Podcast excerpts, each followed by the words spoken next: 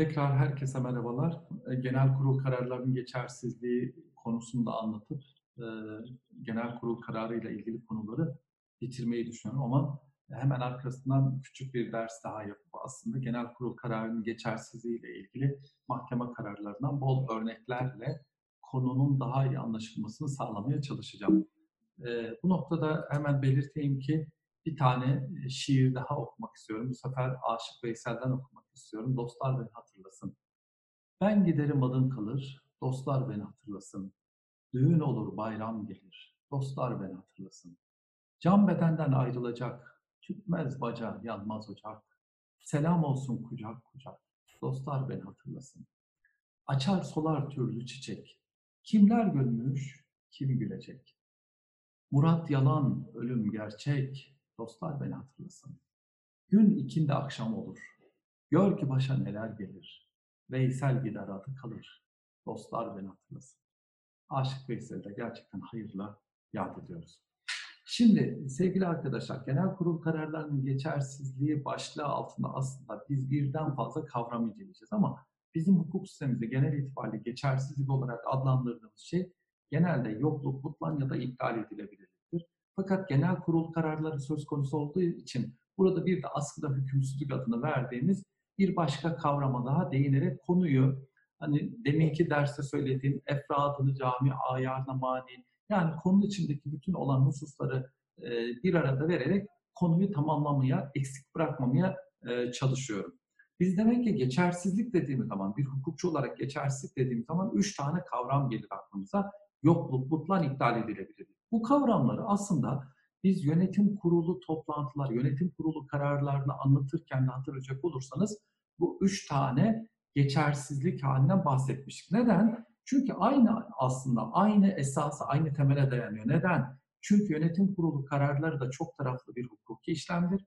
Genel kurul kararları da çok taraflı bir hukuki işlem olarak karşımıza çıkar da ondan dolayısıyla bunların geçersizliğine ilişkin bütün bu haller, yokluk, butlan, iptal edilebilirlik yönetim kurulu kararlarına karşımıza çıkabildiği gibi genel kurul kararlarında da karşımıza çıkabilecektir. Ben buna bir de konuyu tamamlayıcı olması bakımından askıda hükümsüzlük konusunda ekledim.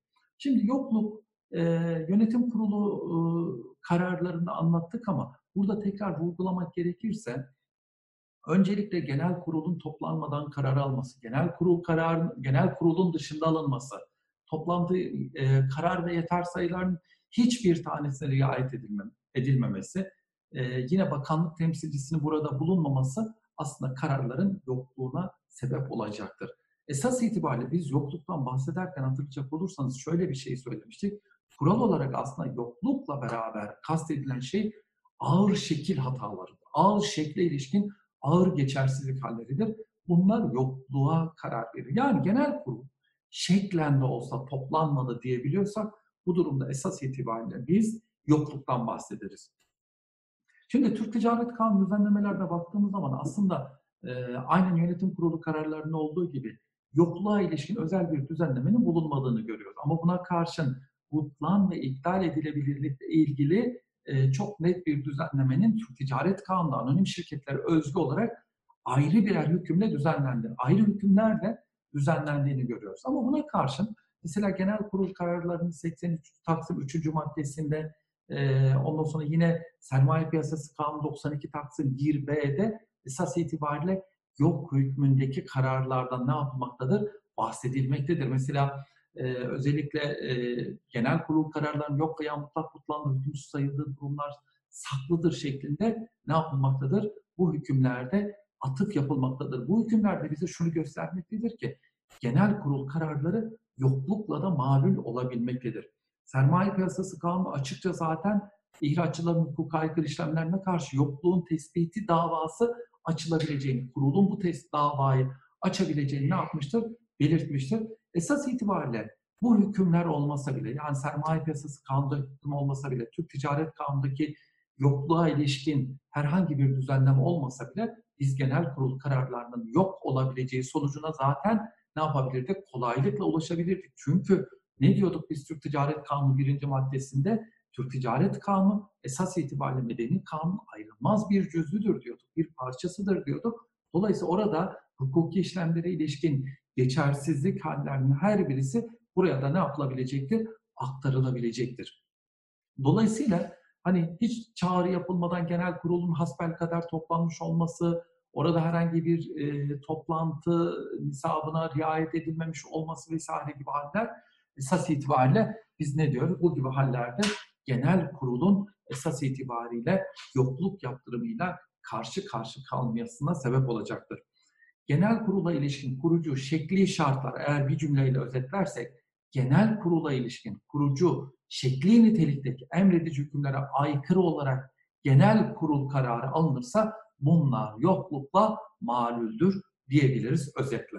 Bunlara demin örnek vermiştim ama toplantı yapılmaksızın pay sahiplerinin veya temsilcilerinin genel kurul dışında aldıkları kararlarla bir karar oluşturması. Bakın genel kurul yok ortada. Şeklen bile olsa genel kurul yok. Pay sahiplerinin veya temsilcilerin bir araya gelmeksizin yazılı katılımla aldıkları kararlar ki hatırlayacak olursanız çok net bir e, şeyimiz vardı. Net bir e, nasıl söyleyelim ilkimiz vardı geçen derste tekrar ettiğimiz.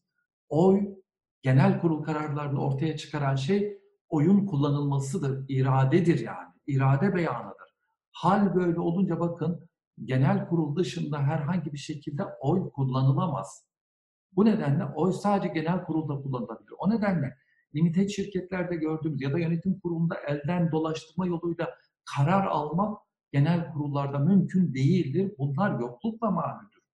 Her ne kadar küçük aile tipi anonim ortaklıklarda bunlar alınabilecek olsa da bunlar mahkemeye gittiği zaman toplantının yapılmadığı tespit edildiği an bunlar yoklukla malul olacaktır ve bunların düzeltilmesi de mümkün olmaz. Çağrısız genel kurul hariç olmak üzere çağrı e, yapılmadan toplanan genel kurulun mesela bir karar alması, bakanlık temsilcisinin bulunmaması gibi hallerde genel kurulu oluşturan kurucu şekli şartlarda eksiklikler olduğu için esas itibariyle ne olacaktır? Bir genel kurul kararından bahsedilemeyecektir. Yoklukla malul olacaktır bu kararlar. 2016 tarihteki aslında e, bir karara e, hemen size okumak istiyorum.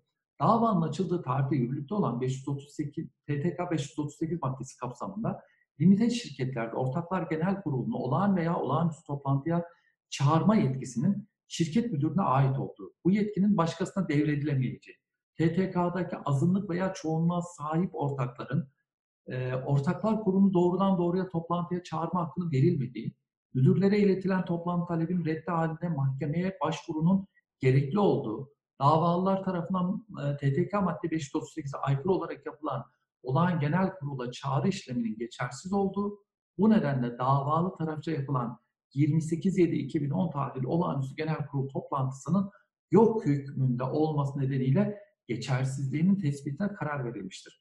Benim kanaatime göre hani e, burada diyor ki e, aslında diyor şirket müdürünün dışında başka biri tarafından bir toplantı yapılmış. Benim e, kanaatime göre aslında bu karar yok hükmünde bir karar olarak kabul edilmemeli. Aslında iptal edilebilir bir karar olarak gelmeli. Çünkü genel kurul şeklen de olsa yapılmıştır. Bakın çağrı usulünde bir eksiklik vardır. Hele hele özellikle bütün ortakların katılımıyla yapılmışsa çağrısız genel kurul hükümleriyle zaten bu hüküm pekala düzelebilirdi. Bakın başka bir e, karara e, riayet et, e, dikkatinizi çekmek istiyorum.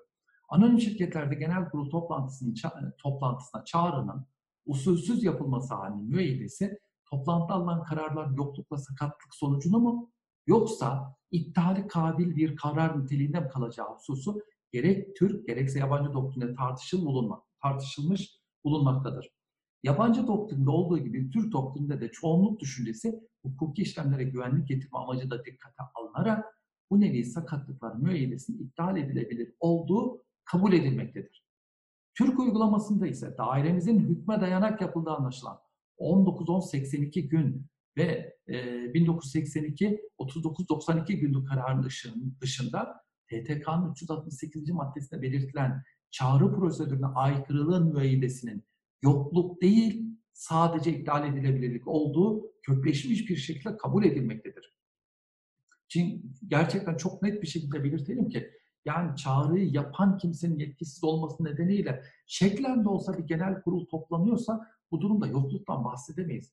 Bu durumda Varsa belki şartları butlandan ya da iptal edilebilirlikten karar verebiliriz. O nedenle doktrinde aksi görüşü savunan bilir kişilerden alınan ve tamamen hukuku nitelendirmeye dayalı rapor dikkate alınmak suretiyle aksine karar verilmesi doğru olmadığı gibi bu şekilde tesis edilen kararın onanmış olması da isabetli görülmediğinden denilerek 11. Hukuk Dairesi bakın 1989 tarihli kararda bunu bir önceki karardaki görüşünü değiştirmiştir. Açık bir şekilde bunu da ortaya koymuştur. Yine bir başka kararda Yargıtay Merkez Bankası'nın denetçileri olan davaların e, işte yasanın 13. maddesine göre denetleme kurulunun dört üyesinden birinin göreve başlamaması nedeniyle kurul teşekkül etmiş sayılamayacağından denetçilerin çoğunluk oyuyla heyet halinde olmaksızın karar alma yetkisi bulunmadığını, buna karşın genel kurul toplantıya çağırmalarının mümkün olmadığını, bu nedenle genel kurul kararlarının iptal talebini reddeden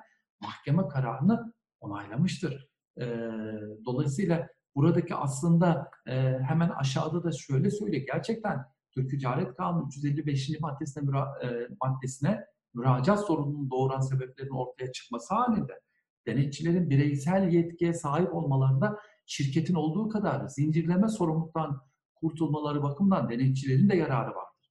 Aksi görüş kabul edildiği takdirde sırf denetleme kurulunun toplanamaması yüzünden şirketin büyük kayıplara uğraması her zaman için ihtimal dahilindedir.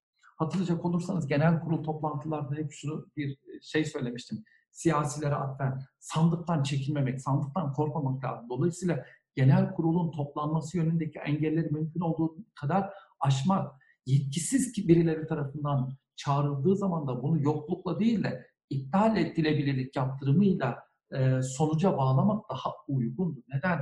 Çünkü genel kurulun toplanması her halükarda ortaklığın iradesinin, toplu iradenin yansıması bakımından daha da önemlidir. Bu nedenle hani buradaki kararları e, katıldığımı e, söyleyebilirim. Genel kurul toplantı buna karşın yokluk hallerini örnek veren başka şeylere de devam edelim. Genel kurul toplantısı tutanağı düzenlenmez. Düzenlenmesine rağmen toplantı başkanı ile bakanlık temsilcisi katılması gereken toplantılarda bakanlık temsilcisi tarafından imza alınmazsa, imza altına alınmazsa bu kararlar yoklukla malumdur. Bu kararlar alınmamış sayılır.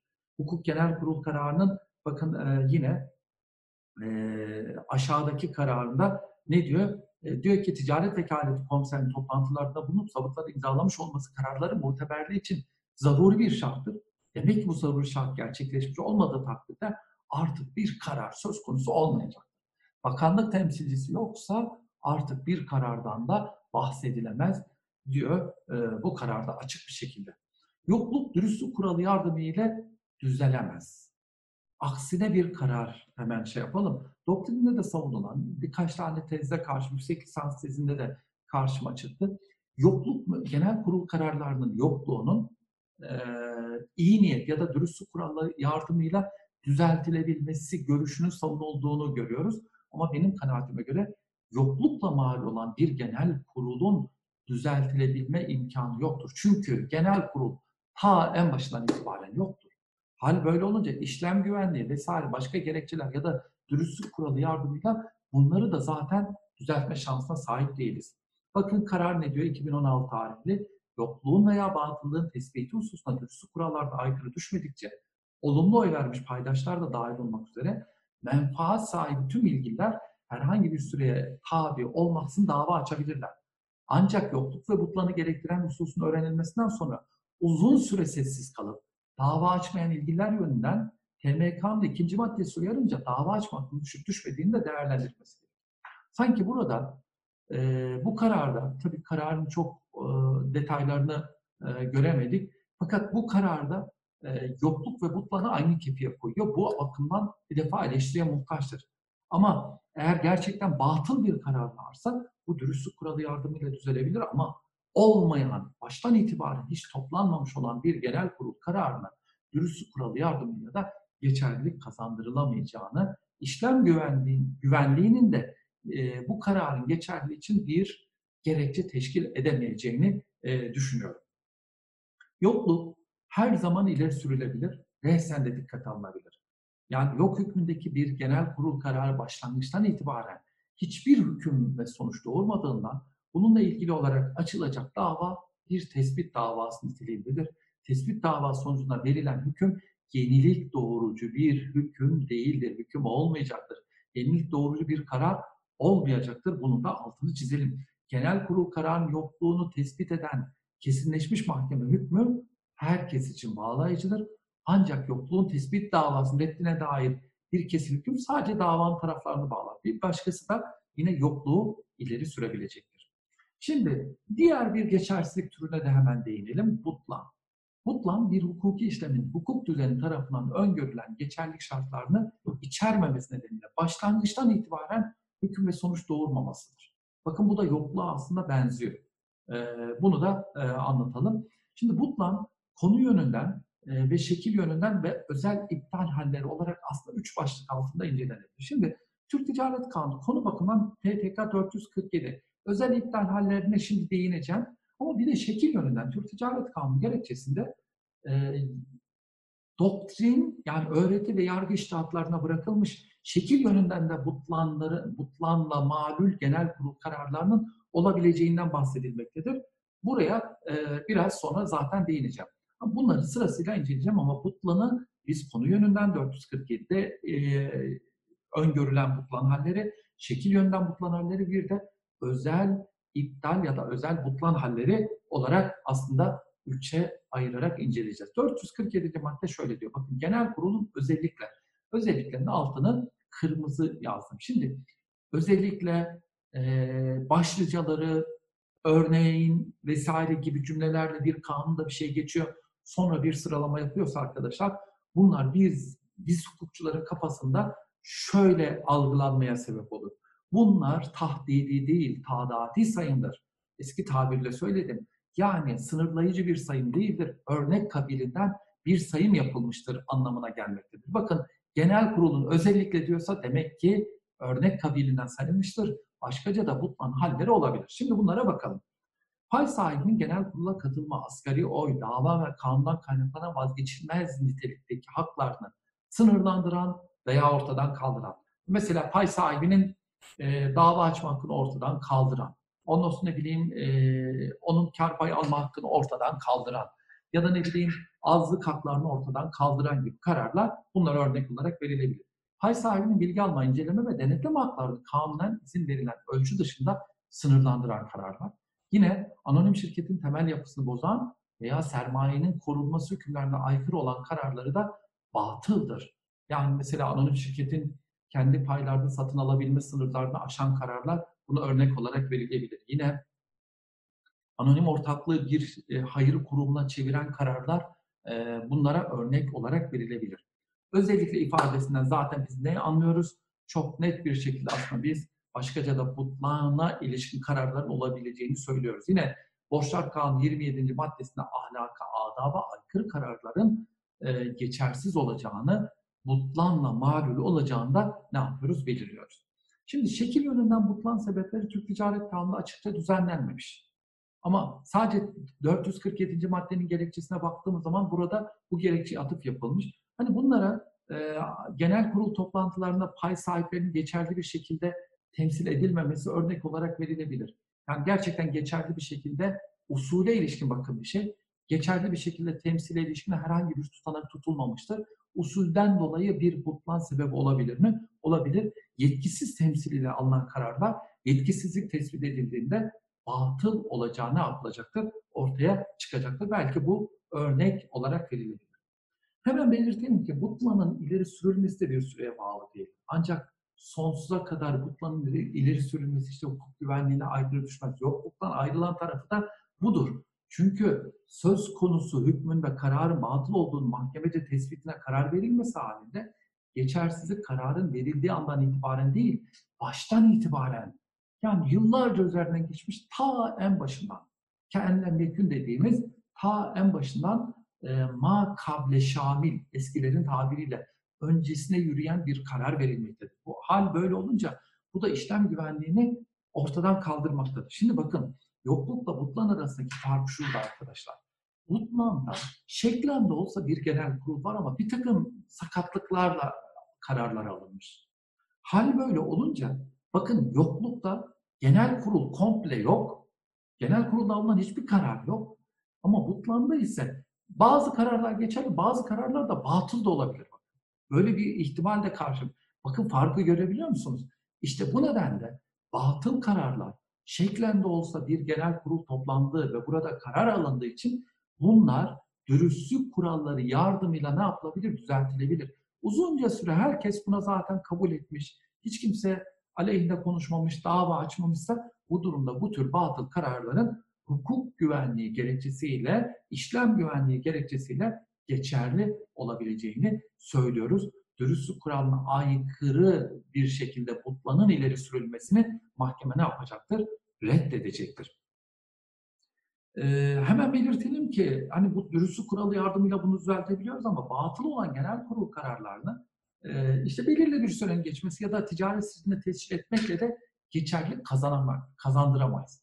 Burada bakın batıl kararlara geçerlilik kazandıran şey uzunca süre o karara sessiz kalmak hatta o kararın e, gereklerini uygulamak ondan sonra işlem güvenliğine ters düşüyorsa ancak ondan sonra hakim butlan iddiasını reddederek bu kararlara geçerlilik kazandırabilecektir.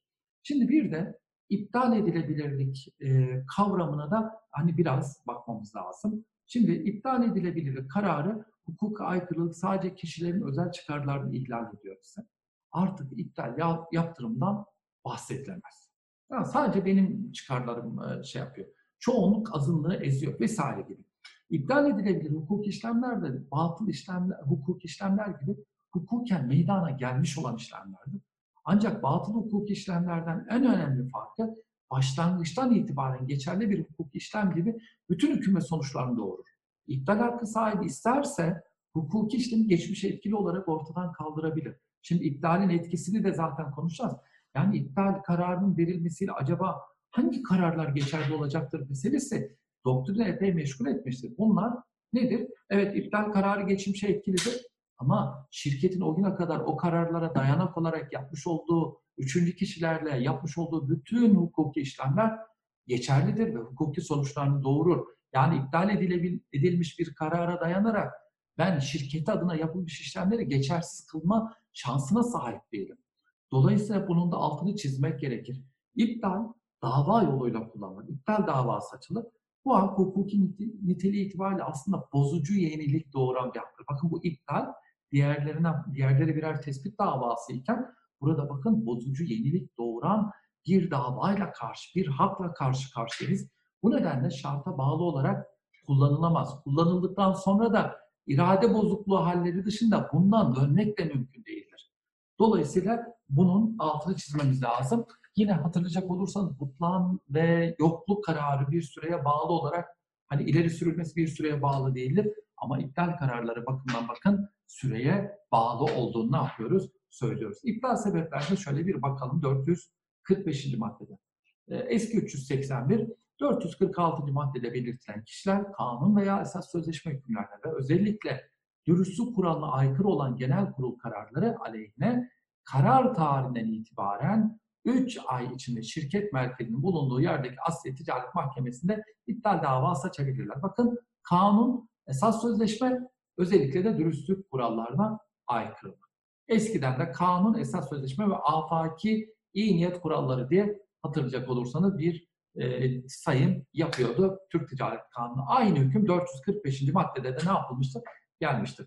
Şimdi 445. maddenin gerekçesine baktığımız zaman eski 381. maddenin gerekçesine atıp yapıyor. Yani nasıl atıp yapıyor? Diyor ki biz zaten 445'i 381'in dilini sadeleştirerek aldık diyor. O zaman 381'in gerekçesi geliyor. Bakın bu maddenin tasarıya konulması sebeplerinden birisi ekseriyetin haksız ve yersiz kararlarıyla azlığı ezmesine engel olmaktır. Çok temel bir vurgu bakın. Bu gayeye varmak için birinci cümledeki kanuna aykırı unsuru üzerinde durmak ve bu sözlerin şumulüne Medeni Kanun ikinci maddesindeki amme intizam hükümlerinde girdiğini hatırlamak ve böylece kararın hükümsüz olduğu neticesine varmak mümkündür. Ve yine yalnız akitler hakkında değil, akitler hakkında değil, e, bütün irade beyanları ve bu arada kararlar hakkında da tatbiki gerekli borçlar kanun 20. maddesini yani 27. şu andaki butlan 27. maddesinin anonim şirket umum heyeti kararlarına da tatbik edilebileceği ve ekseriyetin verdiği icapsız kararların adaba aykırı sayılabilecek cihetle Borçlar Kanunu 20. maddesinin şumulüne girebileceği kabul edilebilir.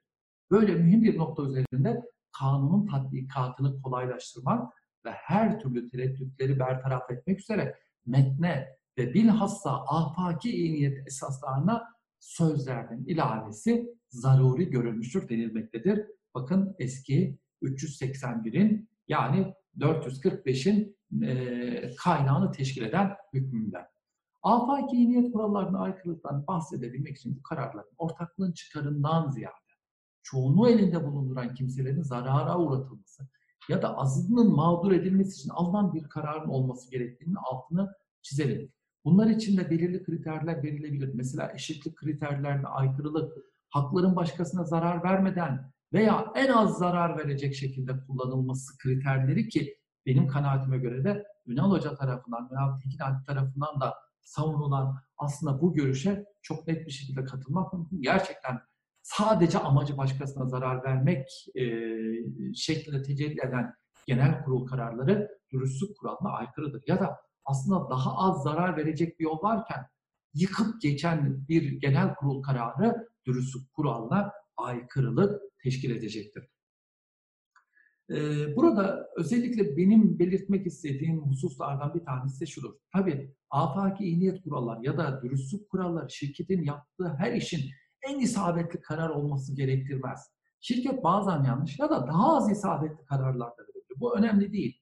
Bu durum alınan karar dürüstlük kuralına aykırılığını da neticelenmez. Kararın isabetli olup olmaması aslında ticari riskle ilgilidir. Eğer aksi düşünülseydi mali olarak zor duruma düşen veya iflas eden yahut zarara uğrayan her şirketteki alınan kararların dürüstlük kuralına aykırı e, olduğu gibi kabul edilmez bir sonuca ulaşır. Yani burada bakın çok önemli olan şey alınan kararın isabet ya da ticari hani ticari doğruluğu değildir. Bu tartışılmıyor.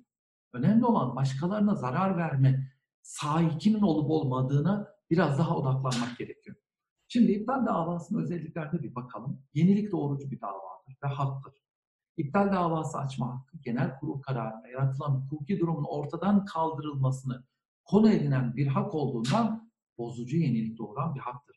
İki, ikinci özelliği pay sahibi vazgeçilmez bir haktır. Dolayısıyla iptal davası açma hakkının esas sözleşmeyle ya da genel kurul kararıyla ortadan kaldırılması, zorlaştırılması ya da yok edilmesi mümkün değildir. Bu nedenle e, bunun altını çizelim. Ancak hemen belirtelim ki tabii hani bu vazgeçilmez bir hak olduğunu söylediğimiz bu genel kurul e, kararıyla ya da esas sözleşmeyle sözleşmeyle ortadan kaldırılamayacağına e, yaptığımız bir vurgudur. Yoksa iptal davası açmak pay sahibi için bir yükümlülük de değildir. Bakın bir haktır sadece.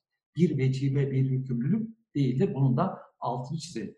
Peki konusu nedir? Konusu genel kurul kararlarının münferit genel kurul kararlarının iptalidir. Yoksa bütün bir genel kurul e, genel kurulun iptali için dava açılmaz. 28 10 2020'de ya da 2019'da yapılan genel kurulun iptalini istiyorum diye bir dava dilekçesi yazılmaz. Ama e, yazmış olduğumuz dava dilekçesi genel kuruldaki bütün kararlar iptale konu olabilir. Bakın vurgulamak istediğim şey şu genel kurulun yokluğundan, genel kurulun iptalinden değil, genel kurul kararlarının münferiden iptalinden bahsederiz. O yüzden bakın 11. Hukuk Dairesi çok net ve isabetli bir şekilde şu, şu cümlelerle bunu tespit ediyor.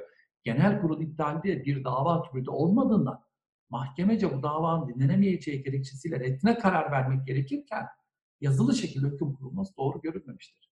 Ya ben genel kurulun 3 ne oldu, 5 ne oldu, 7 ne oldu, 9 ne oldu kararların iptalini istiyorum. Gerekçelerim şunlardır diye bir davanın açılması lazım. Şimdi genel kurul kararlarını yukarıda hatırlayacak olursanız çok sayıda genel kurul kararının farklı tasniflere göre tasnif edilebileceğini söylemiştim. Bunlardan bir tanesi mesela tavsiye ve talimat niteliğinde kararlardı. Tavsiye niteliğinde kararlara karşı dava açılamaz benim kanaatime göre. Çünkü bu kararlar hukuken bağlayıcı bir etki doğurmaz. Olumsuz genel kurul kararlarının iptal davası konu olup olmayacağı tartışmalıdır. Mesela bir görüşe göre olumsuz kararlar aleyhine iptal davası açılamaz. Zira bir önerinin onay oylanması sonucunda ortaya çıkan red kararı mevcut hukuki durumda bir değişiklik yaratmaz. Sadece mevcut durumun devamı sağlar. E, bu halde iptal davası ortadan kaldıracak yeni bir hukuk, hukuki durum söz konusu değildir. Bu halde iptal davası açılamaz.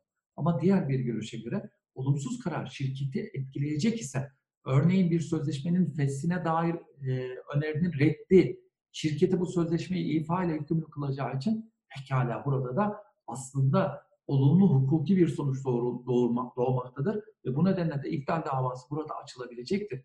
Burada daha önce de hatırlayacak olursanız benim kanaatimce de olumsuz kararlara karşı da iptal davası açılabilir. Bazı olumsuz kararlara. Çünkü daha önce de hatırlayacak olursanız yönetim kurulu üyelerinin ibrasının reddine ilişkin karara karşı da yönetim kurulu üyelerinin iptal davası açabileceğini kabul etmiştik. Yargıtay da bunu kabul etmekteydi. Azlık kararlarının iptale tabi olmadığının altını net bir şekilde çizelim. Mesela 420'de e, anonim şirket genel kurul kararlarının e, ertelenmesi talebi. Bu kararın aleyhinde iptal davası açılamaz. Ama buna karşın 454 imtiyazlı pay sahipleri özel kurulunda alınan onaylamama kararı aleyhine yönetim kurulu tarafından genel kurulun söz konusu kararın pay sahiplerinin haklarını ihlal etmediği gerekçesiyle karar tarihinden itibaren bir ay içinde iptal davası açılabilir. Bakın e, özel iptal davaları işte bakın karşımıza çıktı bir tane e, imtiyazlı pay sahipleri genel kurul kararlarına karşı iptal davası açılabilmektedir. Usulü ilişkin kararlardan sadece alındıkları genel kurul e, kararlar için geçerli olduğu için bunlara karşı iptal davası açılamayacağını düşünüyorum. Ama buna karşın bütün genel kurullar için usule ilişkin bir e, karar çıkarılıyorsa bu ve bundan sonrakilerde bunlar bu şekilde yapılacak deniyorsa bunlara ilişkin de iptal davası pekala açılabilir. Şimdi e, 445 eski 381'de ne diyorduk? Kanuna, e, esas sözleşmeye ve afaki iyi niyet kurallarına aykırı kararlar hakkında iptal davası açılabilir. Şimdi şu aklımıza gelirdi. Hocam biz batıl mı, iptal edilebilir bir kararın iptal davası mı açacağız? Hukukların tespitin davasını açacağız. Bunu nereden bileceğiz? Aslında batıl kararlarla iptal edilebilir, iptal edilebilir kararlar arasındaki ayrımı biz şu şekilde diyoruz. Mutlak emredici, bakın mutlak emredici e, kanun hükümlerine aykırılık e, hal, aykırılık, aykırı genel kurul kararları batıl kararlar. Mesela doğrudan doğruya kamu düzenine, kamu sağlığına, insanın temel hak ve özgürlüklerine müdahale eden, açıkça ceza normlarıyla da müeyyide, yap, e, müeyyide ile müeyyidelendirilen, yaptırıma tabi tutulan hususlarda alınan genel kurul kararları batıldır. Örneğin rakip şirketin yönetim kurulu başkanını bacağından vurdurmak gibi elbette ki bu karar batıl bir karardır. Bakın dolayısıyla bunun mutlanının tespitine ilişkin bir karar almak lazım. Ama iptal edilebilirlik öyle değil. Bakın iptal edilebilirlikte bir kısım emredici hükümler ise doğrudan doğruya kamu düzenine ilişkin olmayıp pay sahiplerinin özel çıkarlarını korumayı amaçlamaktadır. İşte bunlar iptal edilebilir, iptal edilebilir kararlar olarak karşımıza çıkan. Mesela pay sahibinin kar alma hakkını ne bileyim ya da eşitlik ilkesi vesaire bu gibi ilkeleri yarar e, zedeliyorsa bunlar iptal edilebilir kararlar olarak karşımıza ne yapacaktır? Çıkacaktır. Kanunun tamamlayıcı ya da yorumlayıcı hükümleri esas sözleşmede yer alıyorsa bu halde iptal yaptırımına tabi olur. Kanaatimce bunların esas sözleşmeye konulması her halükarda ortakların iradesi sonucu olduğu için benim kanaatime göre bu esas sözleşmeye aykırılık olarak e, değerlendirilmektedir. Öğretide bunların niteliğine göre ayrım yapıldığı hani görülüyor. Fakat benim kanaatime göre bunlar tamamlayıcı ya da yorumlayıcı hükümler zaten esas sözleşmeye ortakların iradeleriyle yansıtıldığı için bu esas sözleşmeye aykırılık olarak ne yapılmalıdır? Değerlendirilmelidir. Kanuna aykırılık doğrudan kanuna atıf yapılan idari düzenlemeleri de kapsar. Buna karşın kanuna aykırı idari düzenlemeler kanuna aykırılık şeklinde nitelendirilemez. Mesela yetkisi olmaksızın idare bir düzenleme yapmışsa, mesela mesela işte bu korona ile ilgili elektronik ortamda genel kurul toplantısının yapılmasına ilişkin bakanlığın görüşü buna örnek olarak verilebilir. Kanuni bir hükme aykırı e, bakın bir duyuru ya da bir tebliğ ya da bir düzenleme idari, isimsiz idari düzenleyici işlem yapılmaktadır. Bütün bunlar kanuna aykırılık olarak değerlendirilemez. Düzenleyici hükümlere aykırılık hali de esasen 445 kapsamında sadece dürüstlük kuralına da aykırı düşüyor ise bu halde e, iptal sebep olarak değerlendirilebilir. İmregül'ün benim kanaatime göre haklı bir görüşü var. İmregül Şöyle diyor, afaki niyetli esaslarına aykırılık sebebiyle genel kurul kararlarının iptal edilebilmesi için pay sahiplerinin çıkarlarının ciddi tehlikelere maruz kalması şartı arama, şartını aramakta İmre Gün. Yazara göre afaki niyet esasları genel kurul kararlarının iptalinde tek bir ölçüt olamaz. Sırf afaki iyi niyet esaslarına aykırı olduğu gerekçesiyle bir genel kurul kararının iptaline cevaz vermek, mahkemeye keyfiliğe yaklaşan bir takdir yetkisi tanımak olacaktır ki hani bu noktada gerçekten haklı. Ama şunu belirtelim ki bu çok ciddi tehlikeye maruz kalma durumunu da yumuşatmak gerekiyor.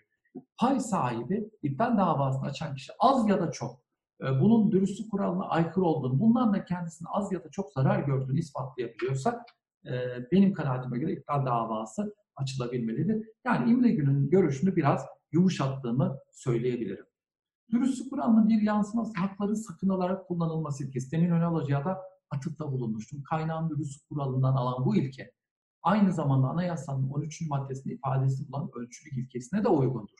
Dolayısıyla gerçekten bir hak birden çok yolla kullanılabilecek ama ben pay sahiplerine ya da azlığa en çok zarar veren e, şekilde kullanıyorum. İşte bu dürüst kuralına aykırıdır ve pay sahiplerine de zarar vermektedir.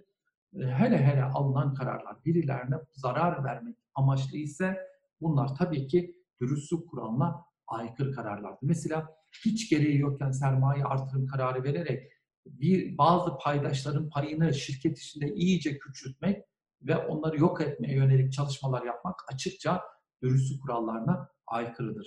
Özel iptal hallerine de değinelim. Yapısal değişikliklerde genel kurul kararlarının bazen yönetim kurulu iptalleri gündeme gelmektedir. Bu hallerde dahi genel kurul kararının iptali söz konusu olabilmektedir. Mesela e, Türk Ticaret Kanunu 192'ye göre özel iptal davası yapısal değişiklik kararının Türkiye Ticaret Sicil Gazetesi ilanından itibaren iki ay içinde açılabilecektir. Daha önce yapısal değişiklikleri anlatırken bu hususu anlatmıştım. Bakın burada diğer dava ne kadar sürede açılıyordu? Genel kurul kararından itibaren 3 ayda. Ama bakın burada Türkiye Ticaret Sicil Gazetesi'nin yayımından itibaren 2 ay içinde ne yapılacaktır? İptal davası açılmalıdır. Bakın bu özel bir iptal davası olarak karşımıza gelecek. Şimdi biraz örnek vermek istiyorum yargı kararlarına. Mesela sermaye artımına ilişkin karar. Davacılar vekili müvekkillerinin paydaşı bulunduğu davalı şirketin 94 tane toplanan genel kurulunda şirketin her türlü demirbaş donanımının ve sermaye yapısının yeterli olduğu, yeni bir yatırım yapılması gerekmediği halde, herhangi bir yatırım yapılmıyor. Beşinci gündem maddesi görüşülerek yeniden değerleme fonuna dahil edilmeksizin esas sermayenin 300 milyar liradan 3 trilyon liraya çıkarıldığını, bu kararın çoğunluğun çıkarlarını gözetmek, e, ve azınlığın payını küçültmek amacı gütmek suretiyle objektif iyi niyet kurallarına aykırı düşünü ileri sürdüğüne göre mahkemece bu iddialar üzerinde durularak şirket demirbaşları bilançoları ve diğer kayıtları uzman bir kişi inceletilip oluşacak sonuca göre esas sermayenin artırılmasına ilişkin genel kurul kararının objektif iyi niyet kurallarına uygun olup olmadığını saptanması ve bu konuda bir karar verilmesi gerekirken değinilen yönlerin araştırılmaması doğru görülmemiş, hükmün bu bakımdan bozulması gerekmiştir. Bakın Hiçbir, ya niye artırıyorsun sen? Ya artırıyor. Yine ben e, arkadaşlar uygulamada bir hukuki görüş yazmıştım. E, bir sermaye 145 artı. Niye artırıyorsun kardeşim? Niye yüzde 145 sermaye artırımına gidersin bir şirkette? Şimdi gerçekten bunun açıklanmaya izaha muhtaç bir taraf vardır. Hani izah yapılamayanın mizahı yapılır diye bir cümlemiz var ya. İşte gerçekten bu tür genel kurul kararları iptal edilmelidir. Yine e, mesela toplantıya alınmama. Şimdi mesela e, burada da çok ilginç bir şey var. Hamile yazılı liste senediyle iktisap edilen hak şahsa sık sıkıya bağlı olan ve kanuna olan tabii bir haktır. Bu bakımdan davacı iştirak etse dahi sonuç değişmeyecek iddiası genel kurulu haksız olarak kabul edilmeme olayını haklı gösteremeyeceği gibi yasanın taşıdığı mutlak hükümlere de aykırı düşer. Ben hamile yazılı pay sahibi geliyorum. Beni ne yapıyorlar? e, toplantıya almıyorlar. İşte toplantıya almayınca karşımıza e, böyle e, bir durum karşımıza ne yapabiliyor? Çıkabiliyor. Bundan yıllar önce hatırlayacak olursanız bizim e, mecliste de Ahmet Necdet Sezer'in karşısına e, MHP'li bir aday çıkmıştı. Partisinin e, yine e, milletvekilleri tarafından hatırlayacak olursanız darp edilmişti. Onun gibi oraya gidip oraya aday olmak, orada meclise girmek, nasıl tabii bir haksa genel kurul, anonim şirket genel kurul toplantılarına girmek de aynı şekilde tabii bir haktır. Bakın çok net bir şekilde. Bu kimsenin elinden alınamaz. Ve 11. Hukuk Dairesi bakın bunun altını çiziyor. Toplantıya alınmayan ortağın genel kurulda yapacağı konuşma veya ibraz edeceği belgelerle toplantı alınacak kararların sonucuna etkili olacağı kimsenin bilgisi dışında değildir diyor. Dolayısıyla bu nedenle diyor bunun iptal edilmesi gerekir. Toplantıya alınmama haksız bir eylemdir ve bu nedenle de iptal edilmelidir. Yine örnek 3'e bir bakalım. Mahkemece hani yargı uygulaması da e, davetin usulüne uygun yapılmaması halinde bu durum bir yokluk sebebi değildir. Ancak iptal nedenidir. Demin yukarıda da söylemiştim. Burada da ne diyor? Diyor ki anılan madde müeyyide hükmüne riayet etmemiş olması yani çağrı prosedürüne aykırı müeyyidesi yokluk değil sadece iptal edilebilirlik olduğu dairemizin kökleşmiş iştihadıdır. Açıkça demin de yukarıda hatırlayacak olursanız söylemiştik. Bunlardan bir tanesi. Bir başka örneğe geçelim. Bakın iptal edilebilirlikle ilgili. Tek başına toplantıya çağrıdaki usulsüzlük iptal nedeni değildir. Davacının toplantıya çağrılmaması, toplantı ve karar toplantı ve karar hesabını etkilemediği gibi başkaca yokluk ve sakatlık iddiası da yoktur. Bu durumda kararların iptali bahis söz konusu olup iptal davasında TTK 381 bir maddesi gelince 3 aylık hak düşüşü süre içinde açılmış olması gerekir. Genel kurul diyor, o zaman diyor eğer 3 aylık hak düşüşü sürede geçildiyse iptal, açılan iptal davasının reddi gerekir diyor. Açıkça e, yine 11. hukuk dairesi benim kanaatime göre e, e, haklı bir e, sebeple ne yapıyor? Bu davanın reddedilmesi gerektiğini söylüyor. Şimdi burada tekrar bir ara verip genel kurul kararlarının iptali ve örneklerine daha ayrıntılarıyla devam edeceğim bir diğer derse